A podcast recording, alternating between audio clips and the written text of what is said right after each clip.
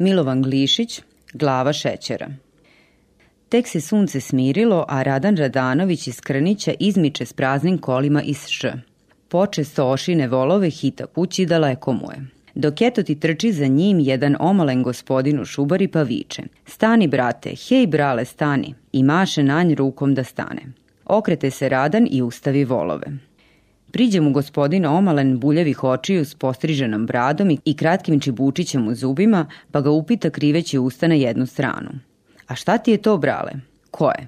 Ovo ovde, reče gospodin i pruži prst na veliki svrdlo jermenjak što beše zaveden u jastuk prednji. Pa eto vidiš šta je, svrdo, odgovori Radan, nerad da divani kad mu se hita. A bogati brale, šta radiš su tim, upita gospodin. Vrtim glavčine, jarmove, jastuke i još koješ, reče Radan mereći gospodina od pete do perčina. Valjda kad hoćete da rastresate vunu, onda bušite tim jastuke pa povadite, reče gospodin misleći o jastucima što se pod glavu meću. Da nije to nego ove jastuke, reče Radan i pokaza mu rukom prednji i stražnji jastuk u kola. A je li to staro brale, upita gospodin. Radan već vidi s kim ima posla, pa da bi ga se otresao reče. Otkako je Boga i vola, odonda je i svrdo. Zar tako staro, začudi se gospodin. Ja šta misliš ti, potvrdi Radan, pa viknulo volove da idu i sam pođe. Stani, brale, molim te, ustavi ga gospodin. Šta ćeš? Bili ti to meni prodao? Ne mogu ja, treba mi, kako ću prodati. Ali molim te, prodaj mi. Ne mogu ja, treba meni svrdo. Dobro ću ti platiti. A ja ne mogu nikako, reče Radan i pođe. Ama molim te, brale, stani. Radan opet stade, pa kao zatežući se reče. Ta ono ja ti mogu baš i prodati, samo bojim se da ne bude zate skupo. A šta cenite, brale, upita gospodin, radostan što Radan pristade da proda. Dve rublje. Izvadi gospodin odmah dve rublje iz špaga, pa Radan u ruke i primi svrdo. Zaviri u kola, pa videv torbu sa stvarima upita. A šta ti je brale ovo? Eto torba, reče Radan, čisto sprdajući se, jer već beše video da je gospodin malo udaran obojkom. Znam, znam, nego šta si to nakupovao? Opanaka, soli i još to šta. Pa vi to mećete u pačadima so u jelo, upita gospodin razgledajući krušac soli, jel te? Tucnemo je malo pa onda. A opanke kad idete u crkvu? Ja, kad idemo u crkvu. Drugi put idete bosi? Jes, drugi put idemo bosi, odgovaraše Radan, tek onako nek se govori ko ješta. A ne bojite se zmija kad idete bosi? Jok, ne bojimo se. Gospodin u tom razvi jedan zamotač u torbi pa reče kao čudeći se, gle, gle, da to je glava šećera. Jes glava šećera. To za kafu valjda? Ja, za kafu. I gradite slatko štrudlu, lokumiće, gurabije, jel te? Jes, to će kapetan graditi, u nas, hvala Bogu, to ne grade. A imate kapetana? Imamo ja, odgovori Radan već izlazeći iz trpljenja. A ima li dece? Ima dvoje, troje. Pa to ste njemu kupili glavu šećera?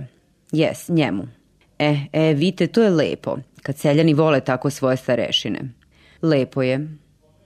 A kupili ste za vaše pare? Nije, on je dao. Da, da, za njegove pare kupili ste, lepo, lepo. Vidite, on će to da gradi deci lokumiće. Hoće, hoće da gradi ja, reče Radan, pa onda upita. A bogati ne zameri što ću te zapitati šta si ti? Ja, jel te? Jes ti, šta si? Ja sam, znate, profesor. Tako, ti si profesor što učiš one starije đake. Da, da, odgovori profesor. E da si pošten, brate, reče Radan, pa ga pogleda tako sažaljivo što je onaki, čisto mu po očima mogao poznati gde bi mu rekao, bože, pa i ono jadno uči nekoga. Jošinom volove pođe i reče, u zdravlju, gospodin profesore. Servis, reče profesor. Da si koristan, da, Bog da, udari Radan, već da se sprda. Sluga sam, reče opet profesor, klanjajući se i držeći svrdo. Haj tako pravo na kamen stao, reče Radan i zacenu se od smeha. Ošinu volove i pohita da barem stigne do mehane u Dubravi, a već dalje lako mu je. Kad se malo poodmori, stići će po najlak. Bilo je već blizu ponoći. U mehani u Dubravi sedi još nekoliko njih iz obližnjih sela. Neko pije vina, neko rakije, neko pogađa popa, a neko u kajš, dok stadoše kola pred mehanom. Vrata se otvoriše i uđe Radan. Dobar veče vama, braćo, nazva svima skupa. Bog ti pomogo, Radane. A odaklen ti u ovo doba? Upita ga jedan što već beše zaboprst u kajiš i pogleda Radana. Nisi pogodio, viknu ovaj što drži kajiš. Daj cvancik. Baš si baksuz Radane, reče onaj što beše zaboprst, trgnuši ruku kao oparen. Eto, čim te pogledah, izgubih cvancik. E, hoćeš ti, Kajiša, šta ću ti ja, reče Radan. Kako si, Radane? Pop, pop, pop. Odakle te? Pop, pop, pop. U ovo doba? Gde je pop? Pita gotovo pevajući jedan, a držeći u desnoj ruci dve i u levo jednu kartu, hitro ih premeće već što treba u toj igri i viče i pita uzgred Radana. Ja vala sad iz Varoši, odgovori Radan. Ovo je pop, viknu jedan od pogađača i lupi po jednoj karti. Sutra, uzviknu onaj što razbacuje, izvrte kartu kad ono dama. Ih orospiju mu očinu, viknu pogađač. Baš si baksuz Radane. Baksuzi ste čini mi se vi svi, odgovori Radan. Dede batalite tu sprednju da sednemo kao ljudi. Boga mi pravo veliš, rekoše oni što su izgubili, pa se digoše i sedoše za jedan podugačak sto. Poustajaše svi, mahnuše se igre i svi zasedoše zajedno s Radanom. Naruči Radan sebi vina i ostali šta je koji hteo. A šta si to ćarije u čaršiji, upita onaj što je na kajišu izgubio. Prodao sam malo žita i vune.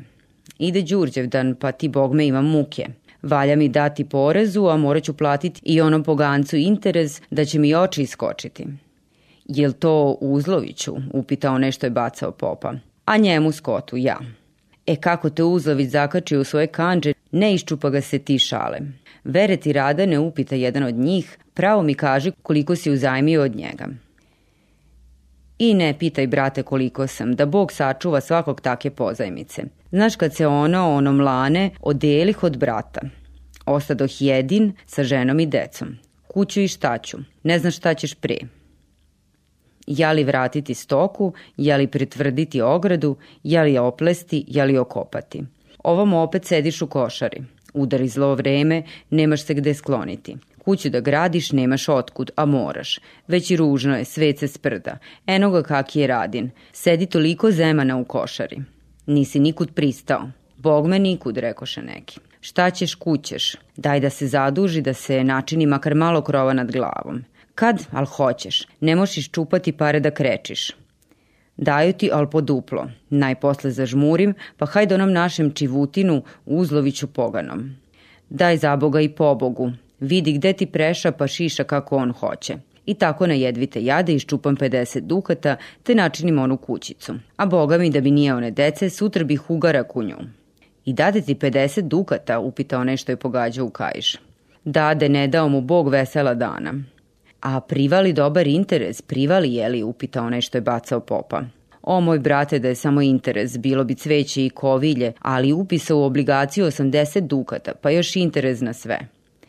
Prođe godina, valja isplatiti, a nema se otkud. Molih ga kumih da me počeka još koji mesec dana dok prodam rakiju i neko svinče pa da skrpim i da mu isplatim. A ja, neće ni glave da okrene nego veli. Pare na plac, ja ću te sudu. O nevolje i muke moje, poteci na sve strane, ne moš iz zemlje iskopati. Molih ga opet, molih već kao samog gospoda Boga, Bože oprosti. Na posledku veli hajde da promenimo obligaciju. Na računi tamo, ne znam dangubu, te interes te pisanje iziđe ravnih 100 dukata. Sad veli da promenimo, ali da načinimo na 150 dukata. Okrenio brni nemaš kud, damo obligaciju. Ih radane zaboga, zar baš dade? Uzviknu jedan između njih uprepašćeno. A ja šta ću, moj brate? Da mi dođe doboš pred kuću, kuda ću onda? Sad vere mi ni sam ne znam šta ću. Idem često kao lud. Što god uradiš podaj njemu. Ni oda šta ti vajde nije. Radi, skapavaj gladuj pa podaj drugome neka ti izede, a ti opet živiš kao skot. A zar je on malo njih upropastio moj radane, reče jedan. Da bog da i ti čitav ostaneš. Mučno, boga mi, ko se danas zaduži, nemam u bela dana više, dodade drugi. Ama koli izmisli taj nesretni interes da mi je znati, upita onaj što je pogađao u kajš.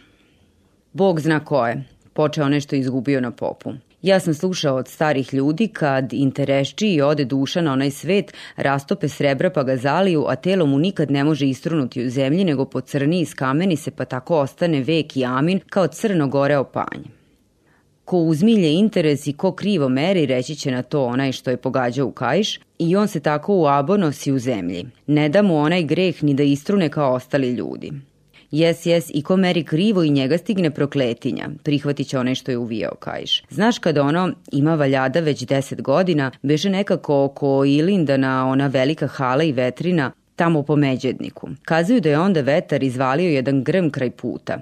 Bilo mu je valjda više od 300 godina. Lepo ga kažu ponese u oblak kao perce, a u želju mu zapleten čovek, crn kao ugarak i zakačene mu na usta pa kroz obrazi levi i desni dve kuke kantarski i oko vrata mu upleten kantar čitav onako sa sinđirom i jajetom. To je kažu bio nekakav što je krivo merio pa ga Bog tako nakazio. Ala je to bila hala i vetar, moj brate, začudi se one što je rasturao popa. Ja šta misliš, reći će Radan. Eno preklane kaka sila beše duhnula i ovuda. Hođeše sve grad potući u koren. Srećom obiđe na planinu te ne učini mnogo kvara. Odbiše vetrenjaci, dodaje jedan. Baš onda na vrh prevoja potukoše se. Lomi se, lomi, lomi. Rekao bih sve će u sodom. Dok se otiše ona sila plašinom. Išli su sutradan ljudi te gledali. Sve grmlje poizvaljivano. Ojeđeno se biju te hale pred tučom, da Bog sačuva. Jesi slušao našeg stanka? Eto on je vetrenjak. Kad se veli pobiju, dokopaju grm za vrh, pa ga iščupaju kao struk luka i tuku se. Ja sam baš gledao kad se je kupao letos u reci, sa modar kao čivit. Isprebijali ga veli vetrenjaci, ali im baš i nije dao da učine štete. I svake godine biju na prevoju, ne može se obići drugčije, reći će Radan. Vala i jes ružno mesto. U sred podne sumnjate onuda proći, a kamoli noću, potvrdi onaj što je okretao popa. Svuda je vala nezgodno, počeće Radan, a na onom brodu kod Vodenice i gore malo pored Vira Petrova ne znaš koja je gore. Jes, ja, baš je strašno kod Petrova Vira, reći će na to onaj što je pogađa u kajiš. Ja se i sad čudim kako imade kuraž i Petar da usred gluvog doba onde zaroni. A zar je zaronio, upita jedan. Ja šta ti misliš, moj brate, digo se veli u ribu noću pa hajd viru. Lepo tišina, voda mirna, mesečina nije baš najvidnije, ali se tek vidi. Dođe, baci jednom pređu, uhvati nešto ribe, baci opet, uhvati, kad baci treći put, zakači se pređa. Povuci tamo, povuci amo, ne moš maći. Daj da se zaroni. Svučeti se on lepo, zasuče nogavice pa zaroni u vir. Zar gluvo dovo pa zaroni u vodu, upitaše svi čudeći se toliko i smelosti. Ja, kako moj brate, zaroniti on lepo kad dole, a pređe se natakla na neku grdnu panjinu, jedva je raspetlja, povuče i pođe naviše, ali hoćeš. Nešto ti njega steglo za obe noge pa tegli naniže, kao olovo. Be dede, be dede, otimlji se on, a ja hoće lepo da odvuče na dno. On te onda drž rukama za žilje, te jedva izgambulja na obalu. Kad ima šta videti, na nogama mu žute bukagije kao vosak a oh, povikaše svi, a očima uzveriše od straha. Pogleda baš bukagije, šta će sad? Skinuti ne može. Hajde veli da se polako gamiže, pa što Bog da. Uzme pređu i ono malo ribe, pa hajde nasipom. Ide tako polako, ide, dok se obre pred njim crni pop. Asli crn kao ugljen, a lice i sve mu zaraslo u samu bradu. Daj mi te bukagije da ti skinem. Baš lepo zaiska, upitaše neki od njih. Zaiska svakako, priča on dalje. Daj mi veli te bukagije. Ne dam, veli Petar. More daj, nemoj se mučiti, skinuću ti ih. Jok ne dam, reče Petar i pođe. Popa nestade. Niti se zna kud ode, niti šta bi od njega. Ama da rekneš da je nešto šušnulo. Ništa. Ide on opet najlak nasipom ide. Dok ti njemu spade s leve noge jedna pranga. On je uze u ruku pa pođe malo brže kad na čitav puškomet zacrni se nešto maleno kao klupko. Učini se Petru da iz vode izlete i pade na nasip. Zatrča se pravo ka njemu, a sve ređe raste, raste, raste. I okreće se isto kao radiš. Dojuri već do njega kad, ali opet onaj crni pop pa ište bukagije. Petar ne da nikako. Obleta pop i iska pa ga opet nestade. Spade Petru i druga pranga. On uze bukagije u ruku pa nosi, a opuči sad brže. Ide tako ide dok ti njega neka ruka dohvati ostrak za rame. Okrete se Petar, kad, ali opet onaj pop, daj mi more te bukagije. Ne da on nikako. Saleta tako saleta dok zapeva petao negde u selu. Nestade popa. Nosi li on bukagije, upita onaj što je rasturao karte. Ne pušta on njih šale, donese ih tako kući. Naloži veli vatru kao da će vola peći. Kad se dobro razgori, on razgrte žar pa bukagije usred vatre. Ništa ti Bog ne dade, nego stade piska, cika, pucnjava, kao da kokice kokaš. A on udari zgrći onim žarom, a ono pišti puca i istura žiške čak u pajante. A on jednako zgrći dok se već ne utaja. Još natrpa ozgo drva da dobro sagori. Kad posle razgrate supret, a ono crne kao ugljen. Više ogorela ona nečastiva sila, reći će Radan. Pa kud ih deo bogati, upitaše ostali. Bacio ih na tavan i tu mu stajale bog zna dokle. Išli su ljudi kao na čudo te gledali. Posle veli nestade ih. Ili ih neko ukrade, ili ih onako nestade, ni sam nije znao. A jesi li ih ti video, upita Radan. Nisam ja, ali su mi kazivali baš ljudi koji su gledali. Ele, tako se uspiće osuše priče sve strašnije i strašnije. Bilo je već pravo gluvo doba kad se Radan krenuo iz mehane. Oni još ostadoše.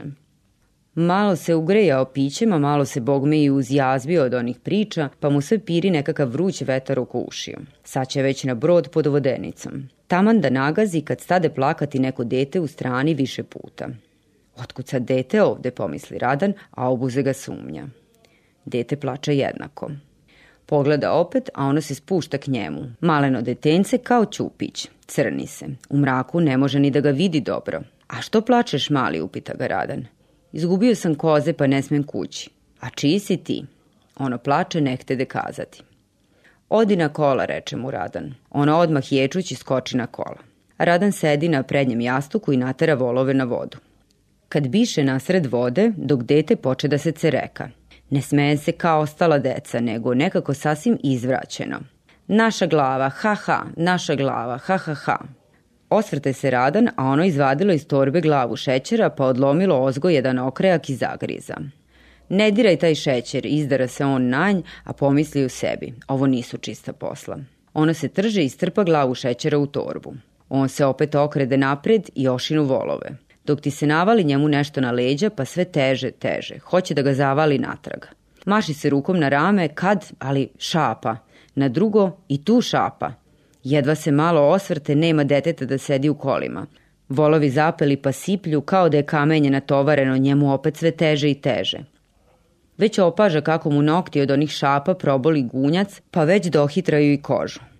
Mrdne malo da strese, a ja još gore priteže. Volovi zapeli jedva pomiču kola. Da mu je barem na obalu izaći. Ošinu ih što igda može, da jedva izvukoše kola na obalu. Siđe Radan polako s kola da bar volovima olakša. Kad? Ali hoće ono da ga obori. Omane da strese, ne možeš maći. Priteže, kosti mu pucaju. Popne se na kola, ne mogu volovi gotovo da maknu. Puca onaj jastuk pod njim kao da je natovaren vodenički kamen. Dođe već da se svisne od tereta. Svoga ga mrtvi znoj probi. Čitav Sahad borio se tako s tom nečastivom silom dok se čuše srećom i petli. Odskoči mu dete s leđa, pa naže uza stranu. Obazre se i reče, moli se Bogu Radane, što petao zapeva, a ti bi zaista upamtio mene. Nego svejedno, tu je glava šećera. I nestade ga. Radan se prekrsti, izvadi peškir iz nedara i ubrisa se od znoja, pa potera volove. Petli učestaše. U samu zoru stigao je kući. Boga mi ja ne znam šta su ti jadni kapetani toliko natrunili tim ljudima što pišu u novine i knjige. Ama nekako god zamoči pero, odmah ti tu potegne kapetana, te ne znam u crvenim jemenijama s repićima, te turmu do zemlje, te prekrstio noge na siđadetu pa puši iz čibuka, te uzima mito, a već nos, glavu, vrat, trbuh i noge nemoj mi spominjati. To načine da te Bog sačuva i sakloni. Načine od zdrava i čitava čoveka nakaradu – da ga u snu usniš bi se uplašio, a kamoli da imaš s njim kakav posla. Ono do duše ni ja ih toliko baš ne branim, ima ih i nakarada. Svet je ovaj onako pun jada i nakarada. Ali što baš sve nakarade pisati, te ni za što ni kroz što plašiti poštene ljude. Što se ne bi napisao kakav lep kapetan. Eto, na primjer, zname jednog veoma finog i lepog kapetana, nekog Maksima Sarmaševića. Biće dve godine kako je dobio čin kapetanski. Ja mislim da ste ga viđali ako ste bili koji put o Vaskrsu ili o gospodinu dne na saboru kod Nske crkve. Sreska je kuća blizu, nema ni sahat hoda odatle. Dakle, kad je god sabor kod Nske crkve, dođu i gospoda iz Vladimirca na sabor. Kapetana ćete lako poznati. Na njemu je najnovija uniforma od sve uniformisane vladimiračke gospode. Za njim na tri koraka uvek ide jedan dugačak pandur s pištoljima i jataganima za pojasom, a o pojasu mu visi čitav vašar od tobolaca, palasaka, čakmaka i ostalih pandurskih drangulija. Tog pandura veoma voli kapetan, doveo ga čak iz drugog sreza kad se premestio. Osim uniforme i pandura, poznaćete kapetana i po lepom stasu i obliku njegovog. Nije vajde, baš kad ga čovek pogleda mora priznati da ga je sama priroda stvorila da bude kapetan pa još ono njegovo zvanično ponašanje. Evo, smeo bih se s vama opkladiti u što god hoćete da niste do sad našli takvog kapetana, da mu se i u govoru i u smehu i u pogledu i u svakom ma i najmanjem pokretu ogleda stroga zvaničnost, kao što je to u Maksima Sarmaševića, našeg lepog kapetana. Eto, na primer, kakav beše kapetan Jakov Jakovljević, što je bio nad onom kapetanijom pre Maksima. Nikad ne dođe u kancelariju izjutra, pre dok ne popije u mehani 5-6 polića prepečenice. Pa onda zavodni očima, a sve pljucka, štuca, iskrmači svaki akt koji mu do ruke dođe, a kancelarija mu zaudara kao rakijska mešina. A ovaj kapetan Jok, on dođe izjutra trezan, čist, lepo očešljan, umiven. Sedne za svoj sto, pa zaište od pandura svog čašu hladne vode i parčence šećera što mu se odmah donese na čistom služavniku. On onda pine malo, pa čisti nokte, pa opet pine, pa opet čisti nokte, dok popije vodu i očisti nokte lepo. Zatim mu se donese kafa. On zapali cigaru, puši malo i šeta se po kancelariji pa srkne kafe, pa opet puši i šeta se, pa opet pije kafe. Zatim primeti panduru ako je našao, što neobrisano i nenaređeno uzme akta i već počne svoj rad. Eto, na primer, kakav beše onaj Sima Simeunović pred Jakovom. Kancelarija mu uvek zagojaćena, neprovetrena, zaudarana ona akta, osim što se uleto izuvao u kancelariju i držao na polici među aktima uvek bocu surutke što je pio od grudi. Ele, prosto si jedva čekao da čas prije izađeš na čist vazduh. A ovaj kapetan Jok. U njega su posle podne, osobito leti, prozori otvoreni, na stolu mora biti cveća, zimi se kadi izmirnom ili šećerom. Milina ti ući. Čisto bi se svaki dan sudio samo da ulaziš u tako čistu, tako provetrenu i namirisanu kancelariju i kod tako lepog kapetana. Pa i kapetanica i deca Maksimova, sve ti je to nekako uljudno i u svom redu. Pa i deca mu se vladaju nekako gospodski, istina malo su nestašna. Jedan mu je sin već poodavno u Beogradu, uči gimnaziju. Ele, kao što vidite, redko gde ima tako lepo i zgodno kapetansko pleme i taj lepi kapetan spremio se jedno jutro da ide po srezu. Jesi li spremio Đuko? upita svog pandura svog ljubimca. Jesam, gospodine, odgovori pandur smahnuv levom rukom fes s kićanskom do ramena za vrat. I ti ćeš sa mnom. Reci neko okrenu kola. Kola se okrenuše i kapetan usede, pa mahnu rukom na Đuku. Hajt penji se. Đuko se posadi u kola prema kapetanu. E sad ćemo Đuko pravo u Vučevicu reći će kapetan kad već kola izmakoše iz avlije i pojuriše drumom. Najbliže i najzgodnije da se doručkuje štogod, ti već znaš. Ja zbilja da li si ti poneo i ono? Upita kapetan Đuku malo potiše da ne čuje kočijaš. Je li glavu? Upita opet tako isto Đuka. Kapetan klimnu glavom da jeste. Poneo sam. Eh, gospodine, zar ja to da zaboravim? Samo šteta što je onaj Lola okrnji. Baš ništa, gospodine, onako velika glava. Nisam je veće video. Pa mi tu soli pamet da ga nešto plašilo i otkinulo pače. Kao da ja ne znam da je on to pijeno odlomio. Nagrdio onakvu glavu. Ne mari ništa, moći će proći. Šta veliš, Đuko? O, te još kako, gospodine, ova luda svetina, šta ti on zna? Prava marva. Samo Đuko pametno. Neću nikom da si slovca proglavio. Ja neću da mi se rekne da uzimam mit. Vidiš i sam, ako im uzmeš jabuku iz ruke, dignu na te viku kao na belu vranu. Ovako ću ja njih drugčije malo da šišam. Samo ti budi pametan, a već treća para tvoja i Božija. Hvala, gospodine, zahvali Đuka, pridignu se malo i mašiv se za kapu. A već za to ne beri brigu, Umeću ja njima podići kako valja. Ti samo gledaj Sehira dok dođemo u Vučevicu. Tu ćemo učiniti sevte, pa elbet budu batli Vučevčani. I tako naš lepi kapetan pusti se u dug razgovor sa svojim vernim đukom. Tu se razviše golemi planovi, izmeriše se sve prilike i sredstva, izračuna se kapital, podizaše se kuće. Jedan put reći, poče se od malene tačke, od glave šećera što beše u torbi Đukinoj, pa se razvi do najširih granica. U tom razgovoru i planiranju stigoše već u Vučevicu. Kapetan je oceo kod kmeta seoskog Stepana Stenčića. Odavno nije bilo take žurbe oko dočeka kao taj dan u Vučevici. Kmet Stepan, njegovi opštinari i mlađi trče na sve strane i naređuju da se što bolje spremi čas. Tu se kolju pilići, prasci, janjci, tu se grade gibanice, uštipci i cicvare, tu se traži mlad kajmak, sir i mleko, tu se iznosi rakija prepečenica od nekoliko godina. Kapetan se u hladu, neprostre šarenice, oko njega se iskupili postariji i odabraniji ljudi pa se razgovaraju. Kako je ove godine letina, upita kapetan jednog od njih. To svako jako, gospodine, nema onih starih godina. Nema ja, nestalo je onog Berićeta. Pamtim ja dok sam bio praktikant, pa sa 60 lira živio sam bolje nego danas kao kapetan. Jez bog me gospodine, potvrđuju ostali. Nema ti danas ni Berićeta, ništa. Izopačio se i ovaj svet. Niko ti tu ne poštuje starijega, ni činovnika, ni popa, nikoga. Niti se ko tu Bogu moli, niti ide u crkvu. Jes, Bog me gospodine, pravo kažeš, graknu oni oko njega. Eno, znam ja pre, dođe ti na sabor kod crkve svakog praznika tušta sveta. Lepo se pomole Bogu, pa onda zasednu za sovru, prizovu Bogme i svoje starešine, pa se tu gosti vesele do neko doba noći.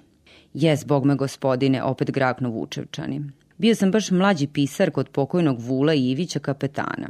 Kad se vratimo tako sa sabora, nose dva pandura pune vreće darova. Tu su ti čarape, peškiri, jabuke, tkanice, pa bogme i po neko runo i čilim ili jagnje. A sad niko ništa da se pošali. Nema, nema, braćo, ništa, prošle su one stare godine kad je bilo berićeta. Pravo veliš, gospodine Boga mi, reći će jedan od seljaka. Ovaj se današnji pojas nekako obezočio i batalio da Bog sačuva. Šta se čini, čudo te i ovo malo Bog još daje. A batalio se, brate, da kako, nastavlja kapetan. Eno pre nekih godina znam prođe starešina. Ako ga sretne počem seljak, makar i ne bio iz njegovog područja, on će mu na čitav puškomet stati i skinuti kapu, čak sjaše s konja pa mu oda čest. A danas jok. Prođe mimo te gotovo da se ramenom očeše, pa baš ni uvo. Zovem ga brate, eto poslom zvaničnim u kancelariju, neće da dođe, po deset puta šaljem pandura do ga jedva doteram. Eto kaki je današnji svet. Eto kaki je današnji naraštaj. I mi se nečemu nadamo. Mrka kapa, zla prilika. Sutra da se nešto otme Bosna ili Hercegovina, ko bi upravljao onim narodom? Nego opet mi činovnici i starešine. A kako ćeš mu vraga upravljati kad te se ne boji? I ti opet pravnici i liceiste što uče tamo po Beogradu misle tako je to, misle ovamo opečene ševe padaju s neba. Deru se jednako republiku, te komunu, te socijalnu demokraciju, te ne znam šta još. A ne znaju oni jadni šta bi bilo od nas. Eto došao bila i po Nemac ili Ingliz, te nas sve ovako kupio i odveo na more, pa lađe vučemo. Hoće republiku, komunu, Virgaz njima treba, Virgaz. I tako dok se čas spremi, naš se lepi kapetan sitna razgovara od prilike ovakvih razgovora. Uputi skromne vučevčane da poštuju svoje starešine, da ih slušaju i budu im na ruci u svakom poslu njihovom. Dalje opomenu ih da se dobro čuvaju republikanaca i uopšte burgijaša, nemirnih i podozrivih ljudi i čim koga opaze da im je dužnost odmah ga javiti svom starešini, on će već dalje načiniti što treba. Ele, nasetova ih mnogo i mnogo, a i valjalo je da ih se nasetuje. Sad je tek prvi put izašao u Vučevicu od kako ga postaviše da je kapetan na tim srezom. On je često pohodio sela, ali se uvek dešavalo da Vučevicu obiđe, nije mu bilo po zgodi da svrati u nju. Zatim je nastala dobra čast. Jelo se i pilo skoro do zaranka. Vino vučevičko dobro, pa se malo kapetan i zagrejao i tek sad razdrešio neiscrpljivu torbu zvaničnog razgovora, torbu iz koje su kadre izvirati sve moguće pouke o svim granama života seljačkoga. Častilo se dugo i za mnogo. Dođe i vreme da se polazi. Kapetan to nagovesti malo kmetu, a međutim zavara svima te namignu na svog vernog Đuku. Đuka je vrlo dobro razumeo taj namig gospodina svoga. Kao čineći se svemu nevešt, istupi malo na stranu pa zađe za vajat. Za njim pristaše i dva opštinara. Ama ti ništa Đuko ne ruča vere mi, reći će jedan od njih. Ja bogme ne može bolje biti, alal vam vera i vašem dočeku. Vi osvetlaste obraz danas beli. Uze ih hvaliti Đuka i potapka obojicu po ramenu. Samo ne znamo kako kapetan, da li je njemu bilo po volji, reći će na to onaj drugi. Kako nije, poče dalje Đuka hvaliti. Znam da je ni u jednoj kapetaniji ni jedan kapetan tako dočekan kao što ste vi dočekali našeg kapetana. Eno, poznajem ga po razgovoru kako je veseo i dobre volje. Nikad ga nisam video tako dobrovoljna.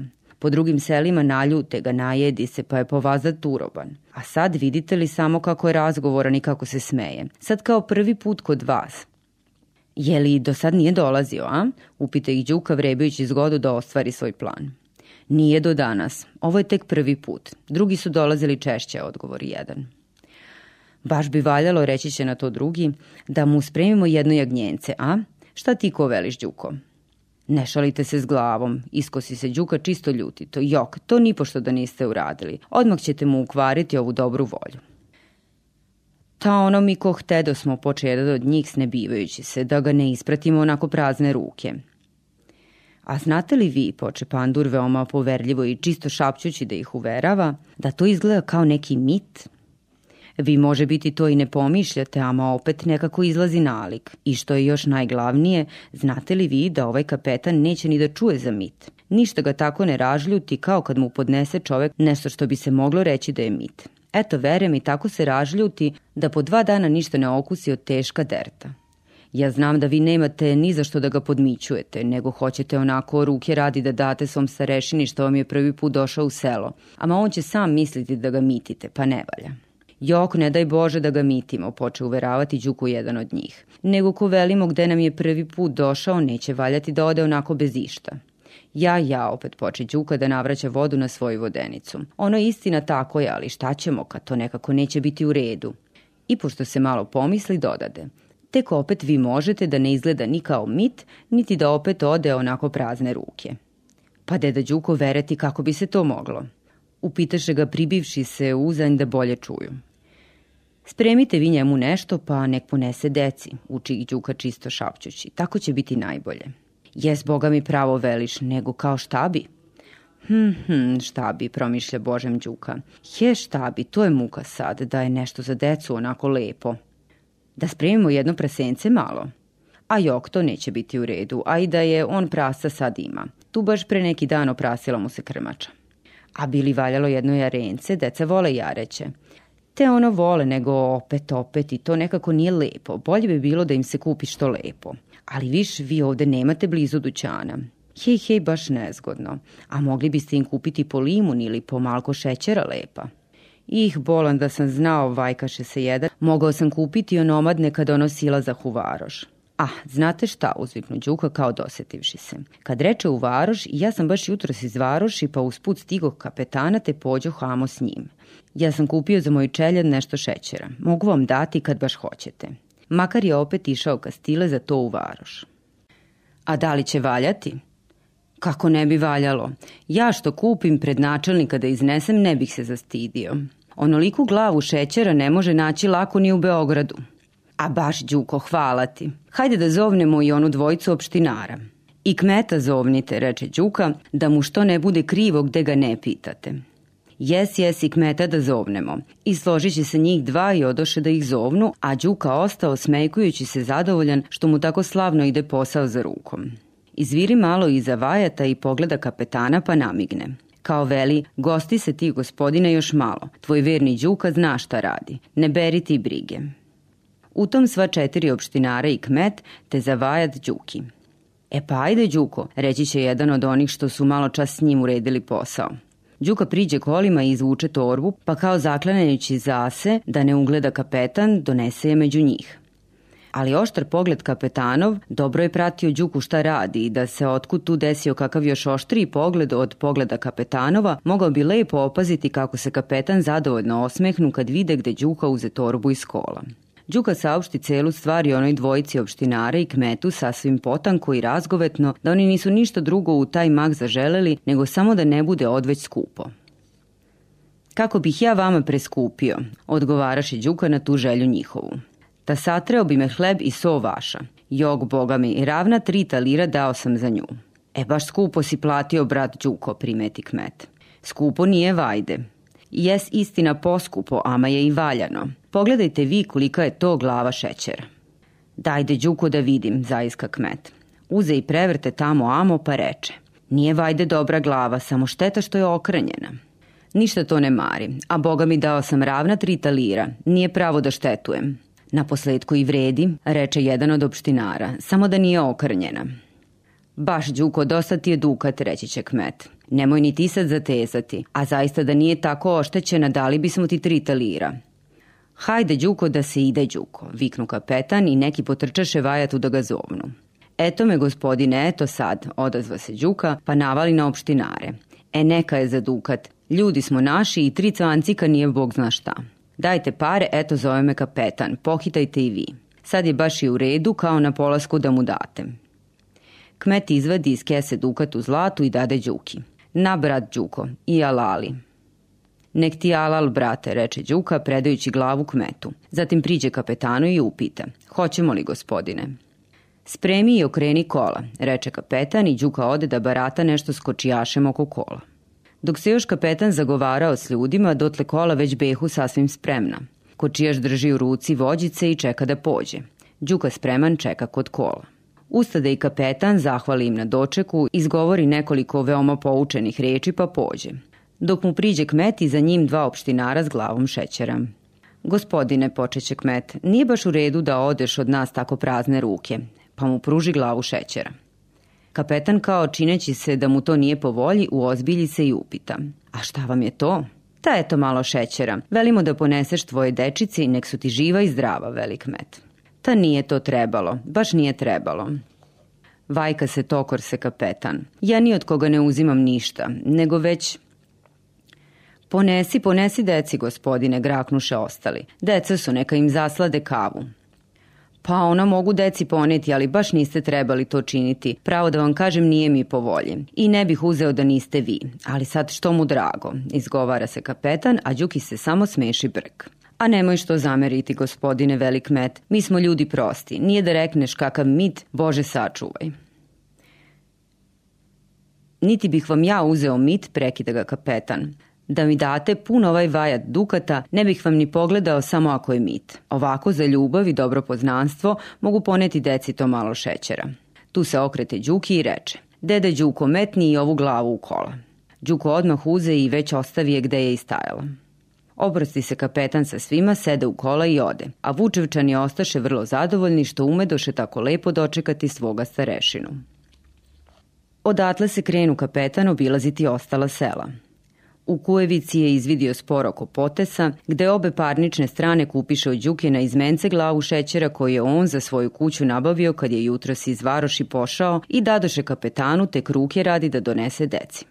U zvezdu je kapetan izvidio opet spor oko neke seoske vodenice, poučio ljude da slušaju vlast i da je budu na ruci.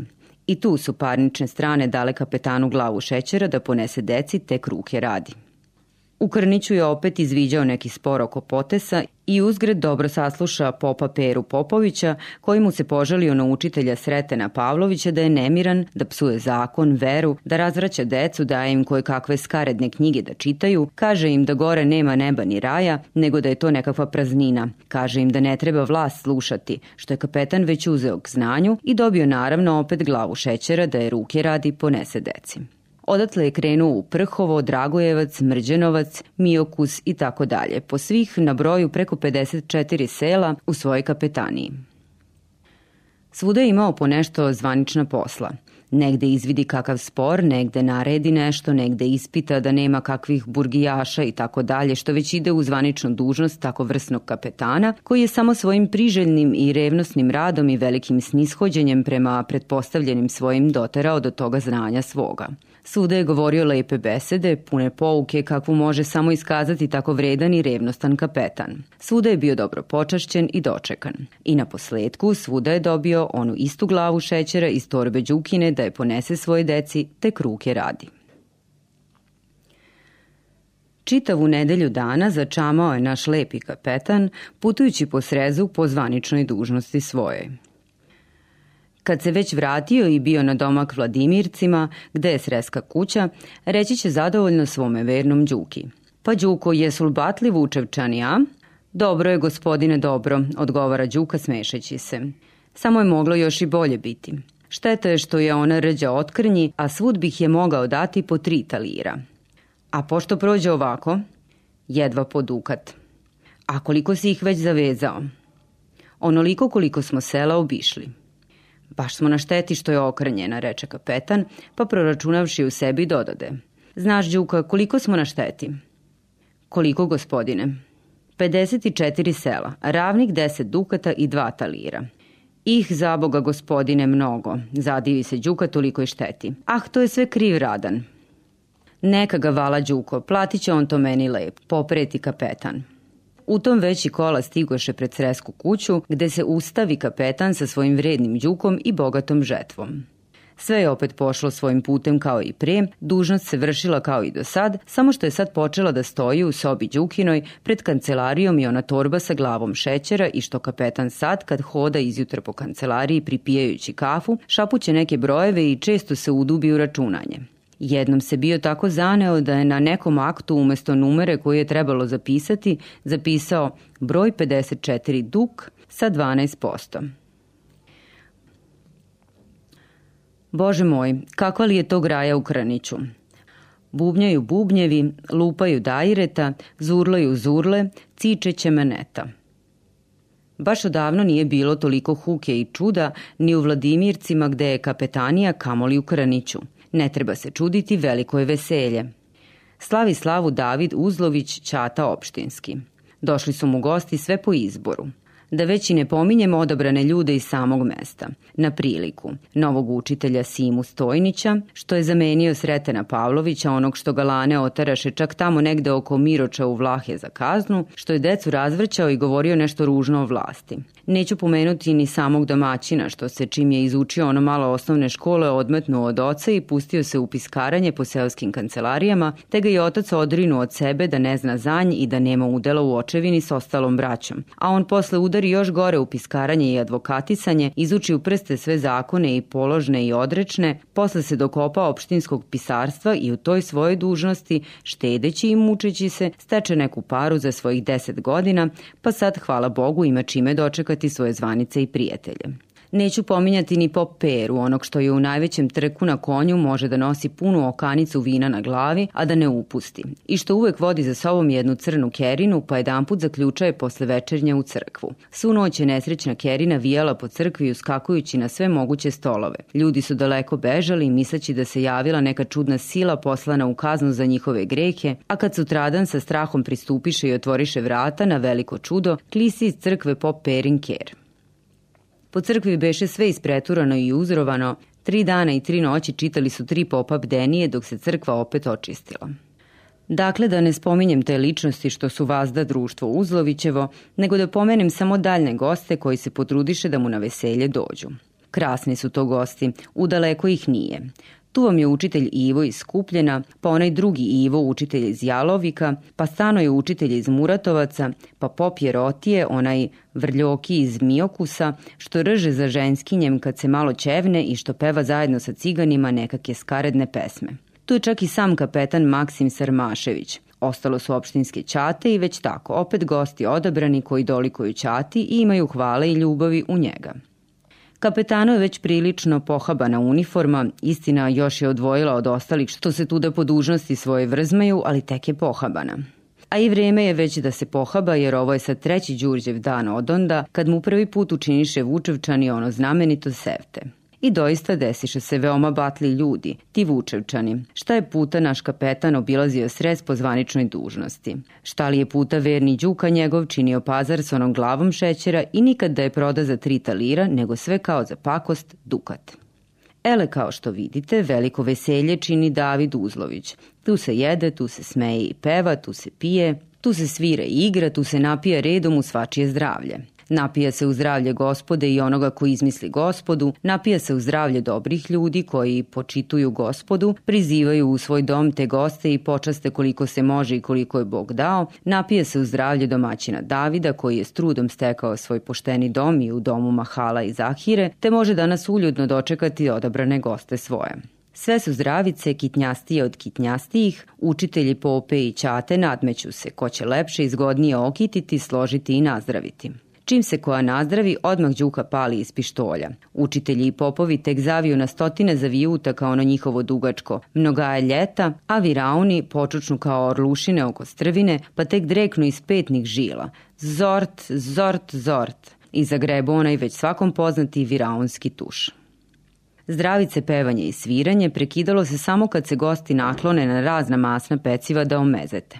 Ali tek uz to masno mezetisanje osuo bi se prijetan razgovor. Svi su bili dobri znanci, pa i razgovor njihov bio poverljiv.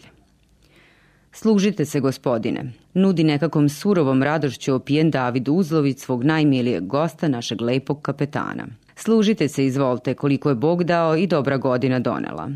Hm, hm, Dašo, poče čisto da se šali onako dosta nakićen kapetan. Tebi je čini mi se svaka godina dobra, a?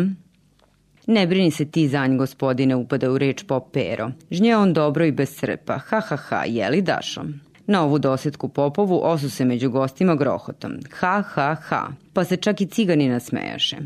A ti mi jamačno žnješ srpom pope, vratimo u doskočicu David i htede nešto još žešće da doturi, a kapetan ga prekide. A hoće li ove godine Dašo biti dobra žetva, a? Hvala Bogu i vlasti, gospodine, odgovori Uzlović, ulagujući se i metnuši poniznu ruku na prsi. Dobro će biti ako Bog da, samo imam malo muke s Radanom. Šta? Hoćemo li mu skoro da dreknemo s Jaretom? Ha, ha, ha, pita i smeje se kapetan preko masnog zalogaja piletine. Po peru uhvati se za bradu i učini kao jarac me, me i svi se gosti grohotom nasmejaše. Kesa pope u ševar, viknu učitelj Simo i opet se osu, ha, ha, ha. A cigani se već izvrću od smeha i izgađaju jedan drugog dajretima u glavu. E, hoćemo li Dašo da mu dreknemo, a? Upita kapetan Uzlović, pošto je već prilično omezetio. Ta ono, gospodine, poče malo tiše Uzlović, a unese se bliže pred kapetana, ne bi još trebalo. Biće i tome zemana. Ama nekako traljavo ide s interesom, ne plaća na vreme, prođe iza roka po čitava tri meseca. Veli ne može se, a ovamo neće da radi, pa se još i propio. U tom pop pero s učiteljima zaturi se da divani, a David i kapetan nastaviše svoje. Dela ti Dašo da mi njemu baš dreknemo, najbolje će biti. I tako meni je veoma zapelo oko za onaj njegov vinograd u Prljinama. Ta i meni je zapelo oko gospodine za onu livadu u Luci. Nemaju celoj kapetaniji onake. Vala Dašo nema ni onakog vinograda u tri kapetanije. Hoćeš li mi ga ustupiti, vereti? Drage volje gospodine, samo da mi se dokopati, Hm, i ti još samo da ti se dokopati, stegniti njega. Pare more trebaju mi, on neće imati, a mi ćemo njemu jarca pred kuću, pa eto si se dokopao. Nego koliko išteš za onaj vinograd, da se sad pogodimo. Ne mogu ja, gospodine, sad seći ražanja, zec još u šumi. A mokani se ti spred nje dašo, ražanje ražanj, zec je zec, a nama sad kad ovako lepa pečenja i vina nije stalo ni do zeca ni do ražnja, nego do doboša i do toga kako ćemo dobiti ti onu livadu, a ja onaj vinograd. Dede more, reci pošto. Lako ćemo, gospodine, samo da mu iščupamo iz šaka. E nije nego još, to je već iščupano. Ta iščupao si mu još onda čim si mu pozajmio onih 50 dukata. Znam ja to, nego dela ti meni reci pošto. 80, gospodine. Šta 80? Upita kapetana, malo se usturi i nabra obrve. 80 dukata, reče Uzlović laskavo se smešeći. Mislim, nije skupo. Kakih 80 zateže kapetan da se cenka? Ja ne bih. Ne, ne, gospodine, brže bolje upademo u reč Uzlović. Šalim se, lako ćemo se pogoditi. Neka stoji bogavi drugi put. E, dobro, dobro, znam ja tebe, Dašo, uze ga tapkati kapetan po ramenu. Nećeš ti biti tako tvrd na pogodbi. A zbilja kako ti oni ostali dužnici. Kako Stojan Pavlović i Obrad Ješić, kako Ivan, Vuksan, Đurađ, Nenad i oni drugi. Moš s njima izaći na kraj? Tako uburim pomalo, gospodine, odgovara skromno David. Samo ako gde zapne, meni ti njih, pa ćemo mi njima doboš pred kuću. Doboš ja. Što bre uzimaš pare kad nemaš vratiti? U mene, Dašo, nema šale. Tu se kapetan maši rukom za čašu u kojoj beše do pola vina. A, molim, molim, ubrza Uzlović i dokopa flašu da dosluži. Nećete vi na moje slavi po pola čaše. Ehe, Dašo, i ovamo i ovamo, graknuše ostali gosti, opazivši da se vino poslužuje. I mi nismo po pola ljudi, gleti njega. Ušuškao se vazdan tako oko tih sjajnih pulija, pa nas i zaboravio. Uzeše ga koreti što šuška s kapetanom. Bog dušmana zaboravio braćo, izvinjuje se David doslužujući im. Kapetan diže čašu i kucnu njom čašu pred pop perom. Dede Pope Bekrio stara, znam ja tebe, ti puno okanicu na glavi, a tri dana držaste ono bdenje, a? Nego neka, dede još po jednu. I opet se kucnu. Svi digoše čaše, kucnuše se i graknuše. Hajde ovo u zdravlje kapetanovo. Hajdu zdravlje kapetanovo, nazdravi da je Pero. Ponudiše Peru da očita zdravicu. Neka nazdravi učitelj Ivo, veli pop. De ti Ivo, ti umeš bolje. Jok, jok, nećka se Ivo, ti pope bolje umeš, na tebe je red. Svi graknuše. Pop pera, pop pera, dela pope. Diže se pop pera i nazdravi zaista lepu zdravicu u zdravlje kapetanovo. Nakiti bogo moj što može lepše biti. Kako je Vladimirovcima i svuda po srezu tome nastala sreća od kako je tako dobar kapetan došao. Kako od onda žito dobro rađa, ovce se blizne, rojevine beže kako je nestalo gusenica, vrana i čavaka što zatiru voće i useve. Kako sad nema ni plamenjače, ni poplave, ni grada, ni suše. Kako je na sve strane blagodet i izobilije u vinu, žitu i ovoščiju. I to sve od onda od kako je došao tako čestit, vredan, revnostan i redak starešina u ovo područje, koje neka Bog da da se dugoljetno podrži pod rodljubivom upravom njegovom, a sve na sreću vernih sinova zemlje ove, koji znadu svačije zasluge oceniti i uvažiti, na mnogaje ljeta.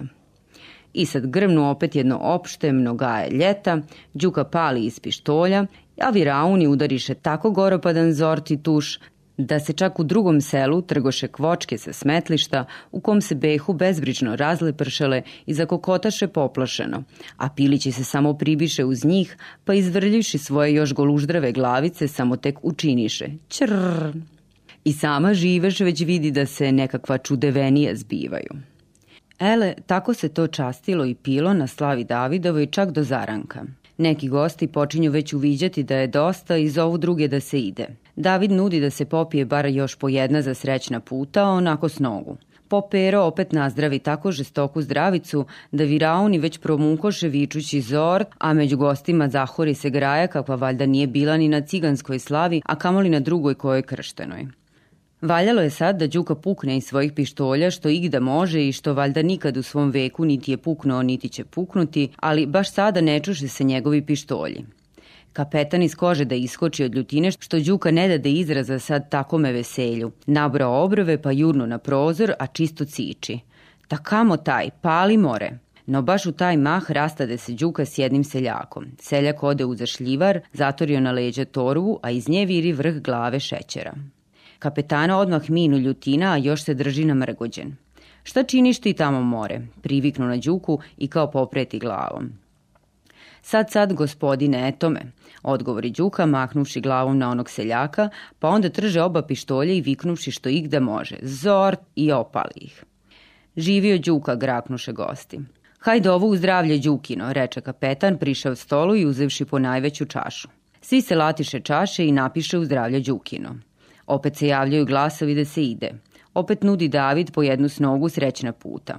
I tako spremajući se da idu, napiše u zdravlje učitelja Sime, pa u zdravlje jednog i drugog Ive, pa u zdravlje pop Pere, pa pop Jerotija, pa opet s početka, pa u zdravlje Kapetanovo, pa tere redom dok stiže i večera. Posle večera kolale su zdravice od kapetana do Đuke i od Đuke do kapetana, dokle već gosti nisu došli u takvo stanje da nisu više ni razumevali jedan drugoga. Po nekom instinktu pođaše da se već jedan put razilaze. Svaki je po nešto mrmoljio, nekakvim nečuvenim jezikom. Ama jes ti, unosi se Uzlović pred pop Peru posrećući, ja jes ti čuo kapetane, znaš, livada, vino, mrmolje opet kapetan držeći se za svog đuku da ne padne. Vino, ti, Dašo, jes vinograd, ne brini se. Doboš sam ja more, jest ja doboš. Na posledku i taj se džumbus utaja. Utaja se u kući Davidovi. Umiri se po krniću sve. Mesečina viri pomalo. Kad eto ti onog seljaka s torbom preko ramena. Najđe na Ćupriju onu staru, što je i sad valjda na Krničkoj reci. Taman bi nasred Ćuprije, a odovud malo povodeći se predanj Radan. Jes ti to, Radane? Kum Mato, gle, ti si, reče Radan kao trgnu se malo. Eto ja, vidiš tako. Malo boga mi kume, pa šta mu znam? Zar opet kume, upita ga Mato prekorno. C, c, c, kume, šta ćeš? Poče Radan ako i pijan da se pravda. Briga, briga kume i tu mahnu rukom kao da je sve propalo. Hej, hej, moj veseli kume, reče Mato čisto žalostivo. Hajde kući kume, hajde, sutra valja poraniti. He, kući, prekide ga Radan, a jetko se nasmeknu. Kakvoj kući, ti misliš ona je moja? Hej, moj kume, Uzlović, Uzlović, viš tu mi se popeo i pokaze prstom u teme. A deca kume? Te deca, moja deca. Nije svet rešeto. Tu Radan pogleda snuždeno preda se, pa smotrivši kraj mate torbu s glavom šećera, gde je spustio, seknu ga nešto te prekide što je počeo i naglo upita. Šta ti je to, kume? Ništa, neki šećer. Kaki šećer, daj da vidim. I brzo izvadi iz torbe glavu šećera, zagleda je pa klimnu glavom. Ih, kume, zar i ti? Šta će ti to? Jes baš ona, evo okrenjena. Kume, šta će ti ovo? Da hoću sutra kapetanu da mi potvrdi neku tapiju pa uzeh. Od Đuke, jeli? Ja on ima od nekud. Molim te, kume, baci to. Tapija. Kakva tapija? Nek propadne. Baci, molim te, ako si mi kum. Platio sam, kako da bacim? He, moj kumče, reče Radan sasvim jetko. Ja sam je do sad devet puta platio. Zar ovu glavu? Tu, baš tu istu glavu, poznajem je dobro. Ja sam je nabavio kapetanu. Evo gde je okrnji crno dete na brodu, više Petrova vira. Viš, pa devet puta moj kume i eto dokle sam dospeo. Završi Radan, pa klimnu glavom neveselo, pogleda nešto dola u vodu, pa tek povuče Matu za rukav šapćući. Kume, kume, nuto, nuto. Šta kume, upita Mato uzjazben. Nuto ona dole, viš? Viš kako sedi? Ta eno ga, eno, crni se. Ama šta je? Dete ono kume, zar ne vidiš, šta stani de, viknu Radan i opsova tako strašno da se Mato strese od straha. Spodbi onu glavu šećera, pa što ih da može izmahnute njom u vodu, razleže se pljesak po ćuprijom, a on se nekako izvraćano nasmeja, ha, ha, kume, viš ovde. Mati pođe kosa naviše. Hajdemo kume kući, i ja ću do tvojih vratnica, pozva ga Mato te pođe. Kad beše kod vratnica da se rastanu, Radan huknu i reče, devet puta moj kume nije šala. Hej, moj veseli Radane, prošao puta Mato i okrete naviše stazom kući svojoj. Ako si koji put nešto turoban iz volje, a ti samo svrati, osobito ako to bude zimi i kad je kaka žestoka mećava u kafanu kod petla. To ti je najpreči i najsigurniji lek. U pozorište slobodno nemoj ići, jer možeš posle svu noć pljuckati i postati još zlovoljniji. Bolje idi tu u kafanu kod petla. Tu je tek pozorište i komendija. Ko se god pomoli na vrata izgleda kao da se spremio da odigra ulogu iz kakve komendije i to svaki drugačiju ulogu.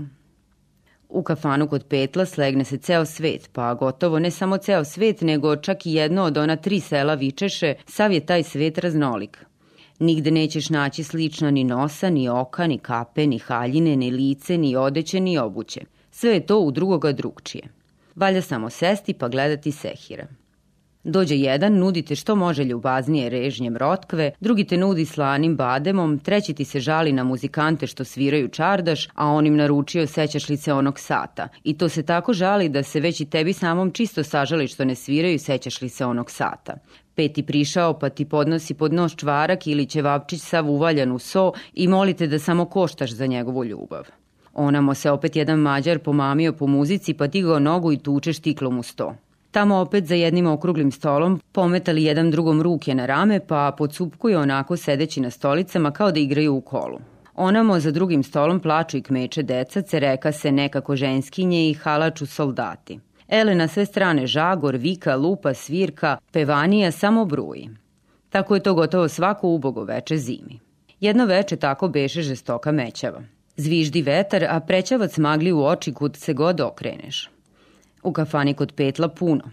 Za jednim malenim stolom u kraju sedi jedan dugajlija u gunjcu i suknenim čakširama, nakrivio fes, zaturio se, pa mlatarajući rukama priča nešto jednom mladiću što sedi za istim stolom s njim. Kelner donese još dve čaše piva pred njih. Dugajlija uze čašu, kucnu se s onim mladićem, pa iskrenuvši do pola ubrisa dlanom usne i reče Eto, zbog toga je moj pajo bilo i potegni i povuci.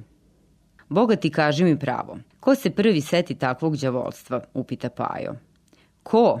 On, eto ko, odgovori Dugajlija. Ono do duše mogu se i ja dosta kome čemu doviti, pa još i bolje od njega, iako je on kapetana, ja čovek prost, njegov pandur. Nego kud bih se ja još oko takih potrukušica zanosio? Njemu je lako, sedi besposlen povazdan, pa izvoleva. Tako je bilo i s tom glavom šećera. Uđem ja jedno jutro u kancelariju, ona mu stoji na astalu. Ja se malo začudim, bog me. Otkud sada to, mislim sam, kad naš kapetan ne uzima ni od koga mita? A on vide gde se ja čudim pa mi kaza kako je on tu glavu nabavio, kaza mi sve, kako je smislio i šta će s njom. Meni je obreče treću paru. Ta znaš, hvala Bogu da mu nije bilo mene, ne bi ni groša dobio. Pa je li ti barem dao tu treću paru, upita Pajo. Dao je nešto, ali zakide mi ravnih 20 dukata. Znaš, kad je bačena ona prva glava u vodu, onaj seljak kad joj je bacio, odem ja u Beograd te nabavim drugu istu onaku. Posle više nismo nosili po selima, nego sam je čuvao u mojoj sobi pred kancelarijom. Sad vam jamačno nije tako išla trgovina, primeti Pajo. E, te još kako. Sad je baš išla kako valja. Samo da ti kažem, dođe neki mileta iz Mijokusa da potvrdi procenu. Nužda čoveku hoće da izvadi pare iz fonda. Stegli ga neki dužnici. Snuždio se neveseo, pusti ga u kancelariju kapetanu, pa se naslonim da slušam. Odakle si ti, pita ga kapetan onako malo oštro. Iz Mijokusa, gospodine. Šta ćeš? Ta potvrdio bih neku procenu. Dođi sutra, oseče se kapetan na nj. Iziđe siromah, žali mi se, ja sležem ramenima. Eto ti ga sutradan rano moli opet. Opet kapetan odlaže, sutra. Ele tako ga odbija nekoliko puta. Čoveku pritužila nužda. Iziđe jednom iz kancelarije pa samo što ne plače. Pitan ga šta je, a već amo znam kapetan mi naručio. Muka i zlo veli, ja ne znam kad će doći i name red jednom. More donesi ti što god deci kapetanovoj na peškeš. Velim mu ja, pa da vidiš onda. Ama ako hoće samo doneću, ko ne bi, samo neka bude vajde. Ja mu onda ponudim glavu šećera i kažem da bi to najpriličnije bilo dati. Kupi on glavu i odnese bajagi kapetanici. Odmah kapetan s njim drugčije potvrdi mu i proceni i nauči ga još kako će čas pre doći do para. Čim ode čovek, ja glavu opet te u moju sobu.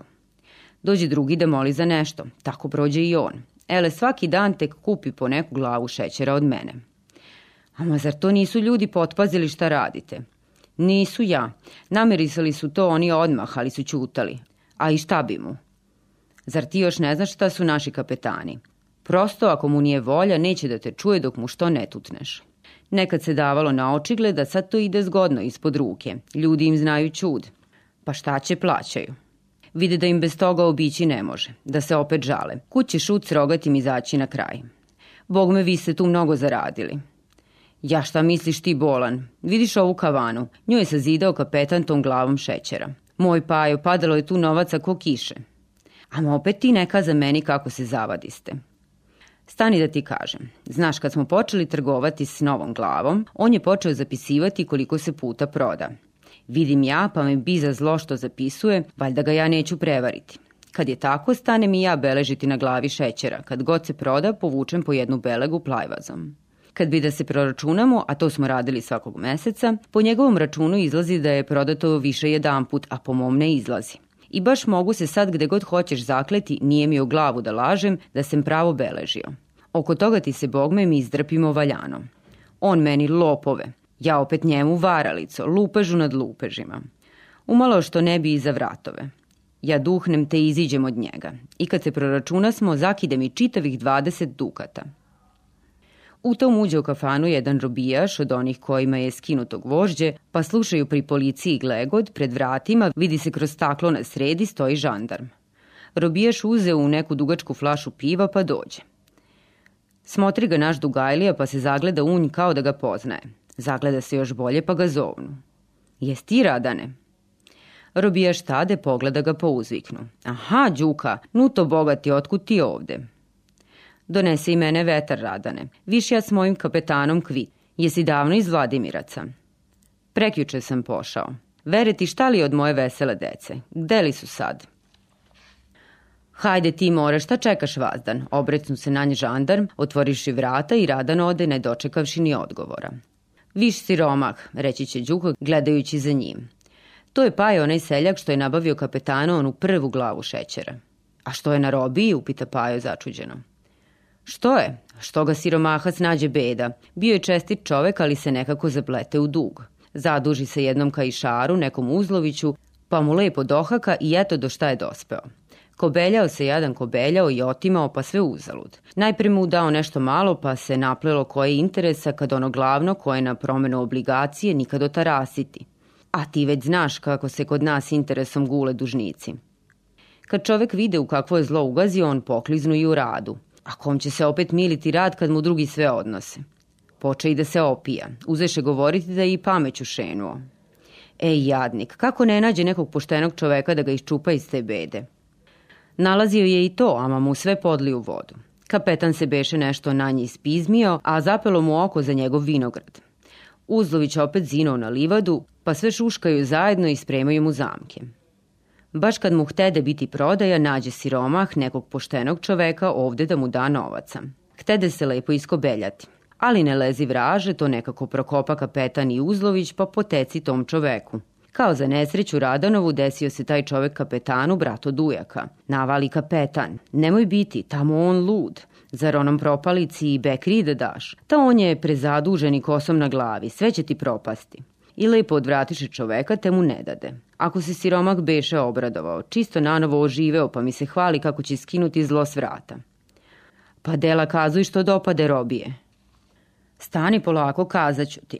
Kad mu već podliše vodu tog trgovca, onda Uzlović tek priteže i navali da se učini prodaja. Što je opet ta prodaja brzo izvršena, nisi video. Ja sam se začudio kad se to pre oglasi, kad li pre iziđe u novinama. Tek jedno jutro zove me kapetana, osmekuje se. Hajde, Đuko, spremi se da idemo na jednu prodaju. Spremi se ja i pođemo. Kad bismo već u Krnić putem pored vinograda, on će tek pružiti prstom na Radanov vinograd. Kako ti se dopada Đuka onaj vinograd? Dobar, velim ja, boljeg redko gde ima. Što li to sad pita, mislim sam. Kad, a mi pravo okreto smo kući Radanovoj. To li je, sad znam. Tu i Uzlović, tu seljaci, neki trgovčići seoski, ukrutili se pa hodaju ispred kuće. Siromah Radan sav pozelene od muke. Žena mu i deca kao potučeni. Poče se prodavati. Mahom sve kupuje Uzlović, seljaci i licitiraju i ne licitiraju, žao i njima čoveka. Dođe red na kuću.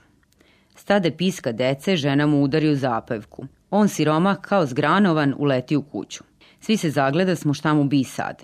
Dok ništa di Bog ne dade, grunu puška kroz jednu bađu, a moj se Uzlović prevrte, baš ni nogom nemače. Ubi ga, začudi se Pajo. Ubi da Bogme. Dogorčalo čoveku, nije to šala ostati sa sitnom decom pod vedrim nebom kao prosjak. Načini se tu galama da trčaše još ljudi iz sela. On siromah sam izađe i predade se, te ga odmah otpratiše u haps. A šta bi od prodaje? Prodaja se izvršila. Sve mu ode za dug i troškove, još se nije moglo ni isplatiti. Njega na ispit, pa posle sudu, sud ga osudi na robiju i eto, siromah još nije izdržao. Kapetan tera opet svoje. Vinograd je dobio. Sad valjda ima opet nekog te mu pomaže da trguje s glavom šećera. Siročad Radanova potucaju se po najmu, a žena mu nekako ubrzo presvisla od teška jada. Eto moj pajo kako može čovek da strada. Molim, Fajerund, viknu jedan kelner, uspremajući stolice po kafani. Đuka i Pajo odoše. Ostali gosti odavno se već razišli. Gazda drema u jednom kraju za stolom. Samo škilju još jedna lampa. Napolju zviždi vetar i sićani prećevac zasiplje u prozore. Negde daleko čuje se pesma pijanih ljudi.